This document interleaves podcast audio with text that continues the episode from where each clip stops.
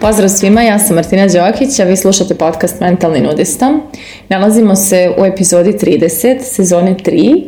i u ovoj epizodi govorit ću malo o klopki zvanoj dovoljno dobro. Verujem da svako od vas, pa kao i ja, ima u svom životu određena polja u kojima je, da kažem, u nekom konceptu koji je dovoljno dobar. Bilo da je to posao koji radite, bilo da je to veza u kojoj ste, bilo da su to neka prijateljstva koja gajite, stil života koji živite, mjesto gdje živite, šta god je u pitanju, postoje određena polja koja su takva kakva jesu i čuvamo ih u tom stanju jer eto dovoljno su dobra. I sad, e, kada kažemo to dovoljno dobro, to zvuči tako kao eto ok je, jeli? Međutim, postoji jedna ogromna klopka u tome dovoljno dobro, a to je baš ovaj, ovako izrečeno, govori jako mnogo skrivenih nekih poruka. Kada je nešto dovoljno dobro, to je kao, eto, tek toliko dovoljno da nije loše. Znači, nije dobro, nije fenomenalno, nije fantastično, nije van serijski, nije spektakularno, nego eto, tek dovoljno dobro da ne bude loše. I koncept dovoljno dobrog je veliki neprijatelj fantastičnom,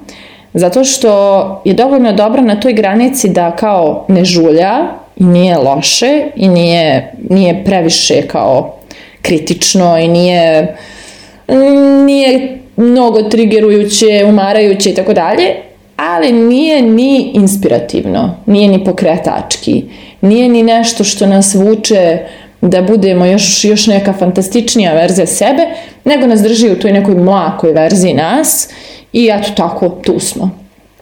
Još jedna stvar koja se krije iza dovoljno dobrog jeste da često u dovoljno dobrim stvarima mi zadovoljavamo neke najosnovnije potrebe koje su donekle pomalo i životinske. Zato što, na primjer, kada radimo posao koji je dovoljno dobar, a eto dovoljno je dobar jer nam daje platu, jer ok je firma, da kažem donekle je siguran posao, pa kao i plata je donekle ok, mi time zadovoljavamo neke osnovne potrebe ono,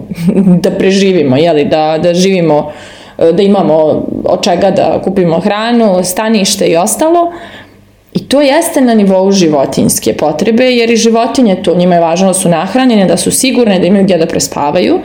Ali ono što nas razlikuje od životinja jeste što mi imamo i kreativnost i svijest i kapacitet da širimo tu svijest, mada što duže poznajem životinje nisam ni sigurna baš da smo mi i ole napredniji od njih, ali ajde držat ćemo se te ideje.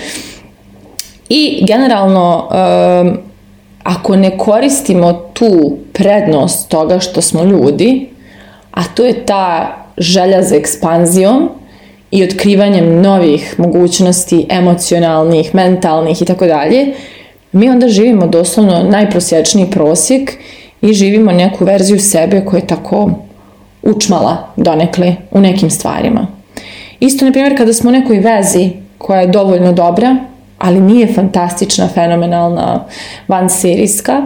mi sebe vidimo kao partnere koji su tako. O, o, možda čak nismo ni, ni, ni super partneri, nego smo tako neki, da kažem, ok partneri, ali ne vidimo sebe ko smo mi kada smo opčinjeni, inspirisani, oduševljeni tim odnosom, kada doslovno cvjetamo i blistamo zbog te neke osobe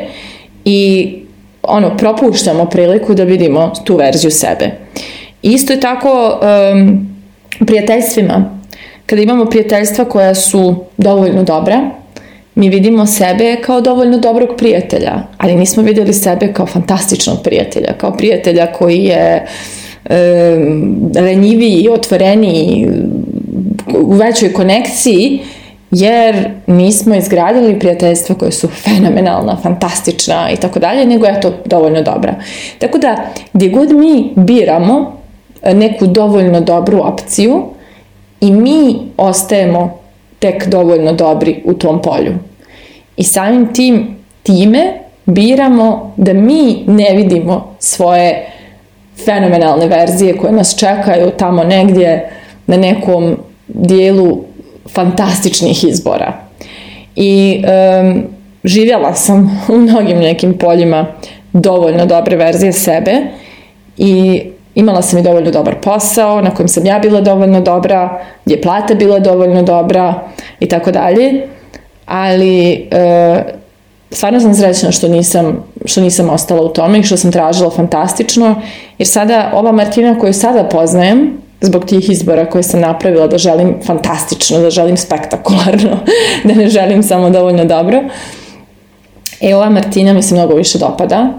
i ova Martina ima puno više samopouzdanja jer je videla kako može sebi da izgradi nešto što je fantastično i kako može da vjeruje u to i onda kada drugima to nije očigledno i kako može da korača ka tome i onda kada se ne vidi da li će da stigne tamo gdje je krenula i tako dalje. Tako da uh,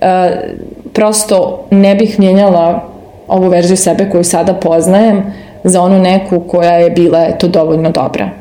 Isto je bilo i u vezi,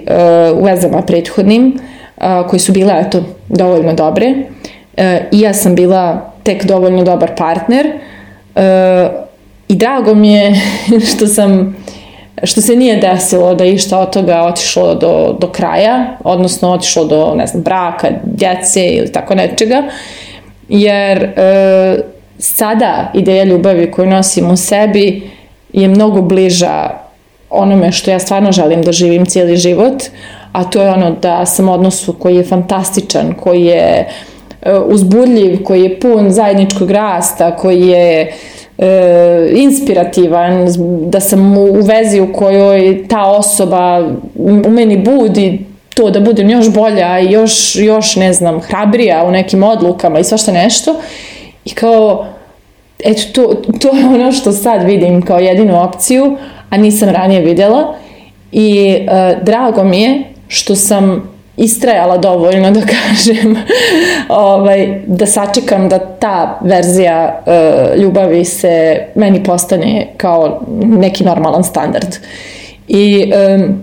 pogotovo ovako važne odluke poput partnerstva i prijateljstava i, i, i poslova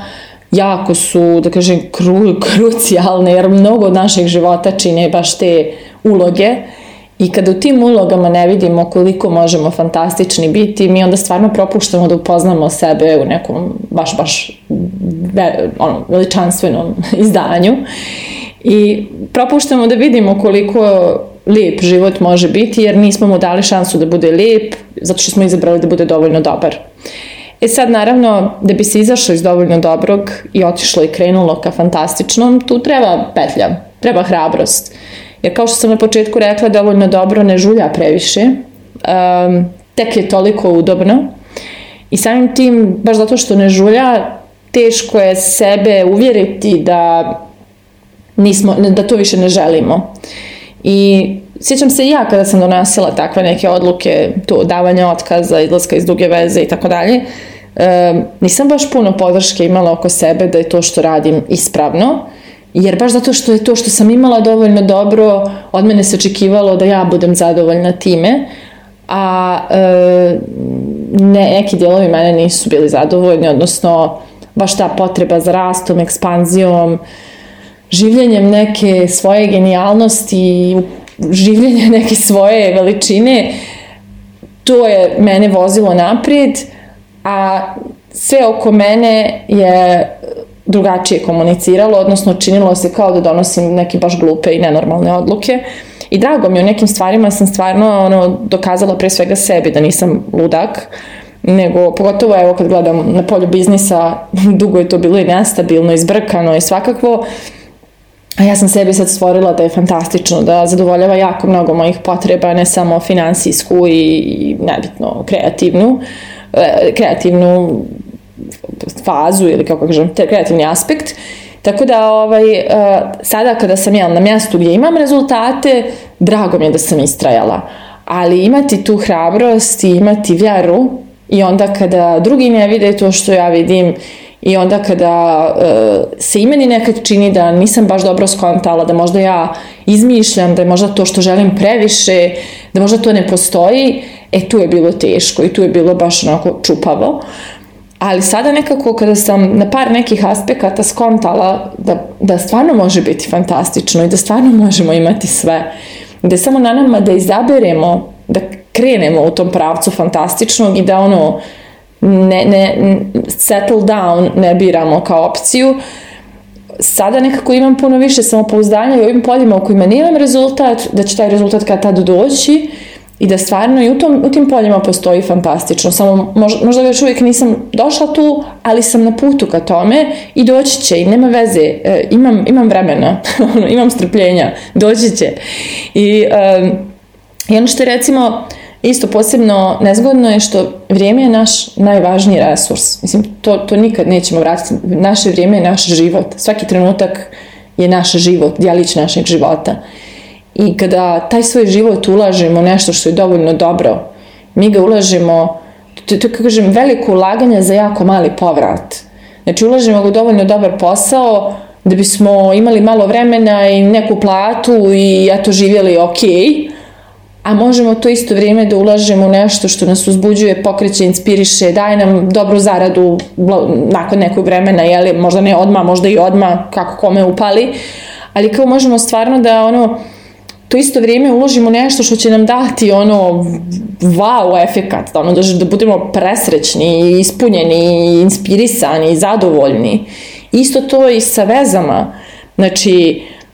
kao dosta, dosta ljudi ostaju u dovoljno dobre veze da ne budu sami, da eto imaju nekoga jer eto uložili su puno vremena u to i tako dalje, ali kao ulažu svoj život, svoje vrijeme u nešto što daje prosječan povrat, u odnos koji, koji ne budi najljepše verzije ni jednog ni drugog i u odnos koji ne daje impuls koji ljubav može da da, a to je ono ogromna inspiracija, pokretačka energija, e, mir, podrška, sklad i svašta nešto. I onda kao biramo jeli prosječnost i biramo neku, da kažem, granicu, na margini smo prosječnosti, doslovno skoro pa smo ispod prosječni s tim dovoljno dobrim, ali eto kao strah je taj koji nas zadržava tu, a ulažemo resurs koji ne možemo da vratimo, to je naš život. Tako da stvarno, ono, imati petlju i hrabrost i napustiti dovoljno dobro i krenuti ka fantastičnom, jedan je ozbiljni zadatak u životu i kao što rekao, najveći problem je što je dovoljno dobro ne žulja previše, ali vremenom zna i da nažulja, pa da, da se pokrenemo. I e, ono što, je, što se meni desilo među vremenu sa svim tim tako e, idejama jeste da je meni sasvim ok da ili bude fantastično ili ne bude nikako. Znači, sada imam taj kriterijum. Znači, dovoljno dobro mi nije kriterijum, jer u dovoljno dobrom nekako sam, ne sviđa mi se ko sam kada sam u dovoljno dobrom. Sviđa mi se samo ko sam, mislim prosto sad kad znam kakva sam kada je u nečemu, kada sam izabrala nešto što je fantastično, što je za mene fantastično, želim samo tu Martinu da, da, da oživljavam, samo takvu Martinu da gradim, hranim, e, da u, u, u nju ulažem vrijeme i prosto sve neke druge verzije mi nisu uzbudljive, ne, ne rade me, ni malo. Tako da moje pitanje za kraj ove epizode je da li ste odlučni u tome da i dalje ostajete u dovoljno dobrom, pa koliko god to košta, ili ste spremni da stisnete petlju i zakoračite ka fantastičnom i upoznate jednu novu fenomenalnu verziju sebe. Mislite o tome, a mi se družimo u narednoj epizodi.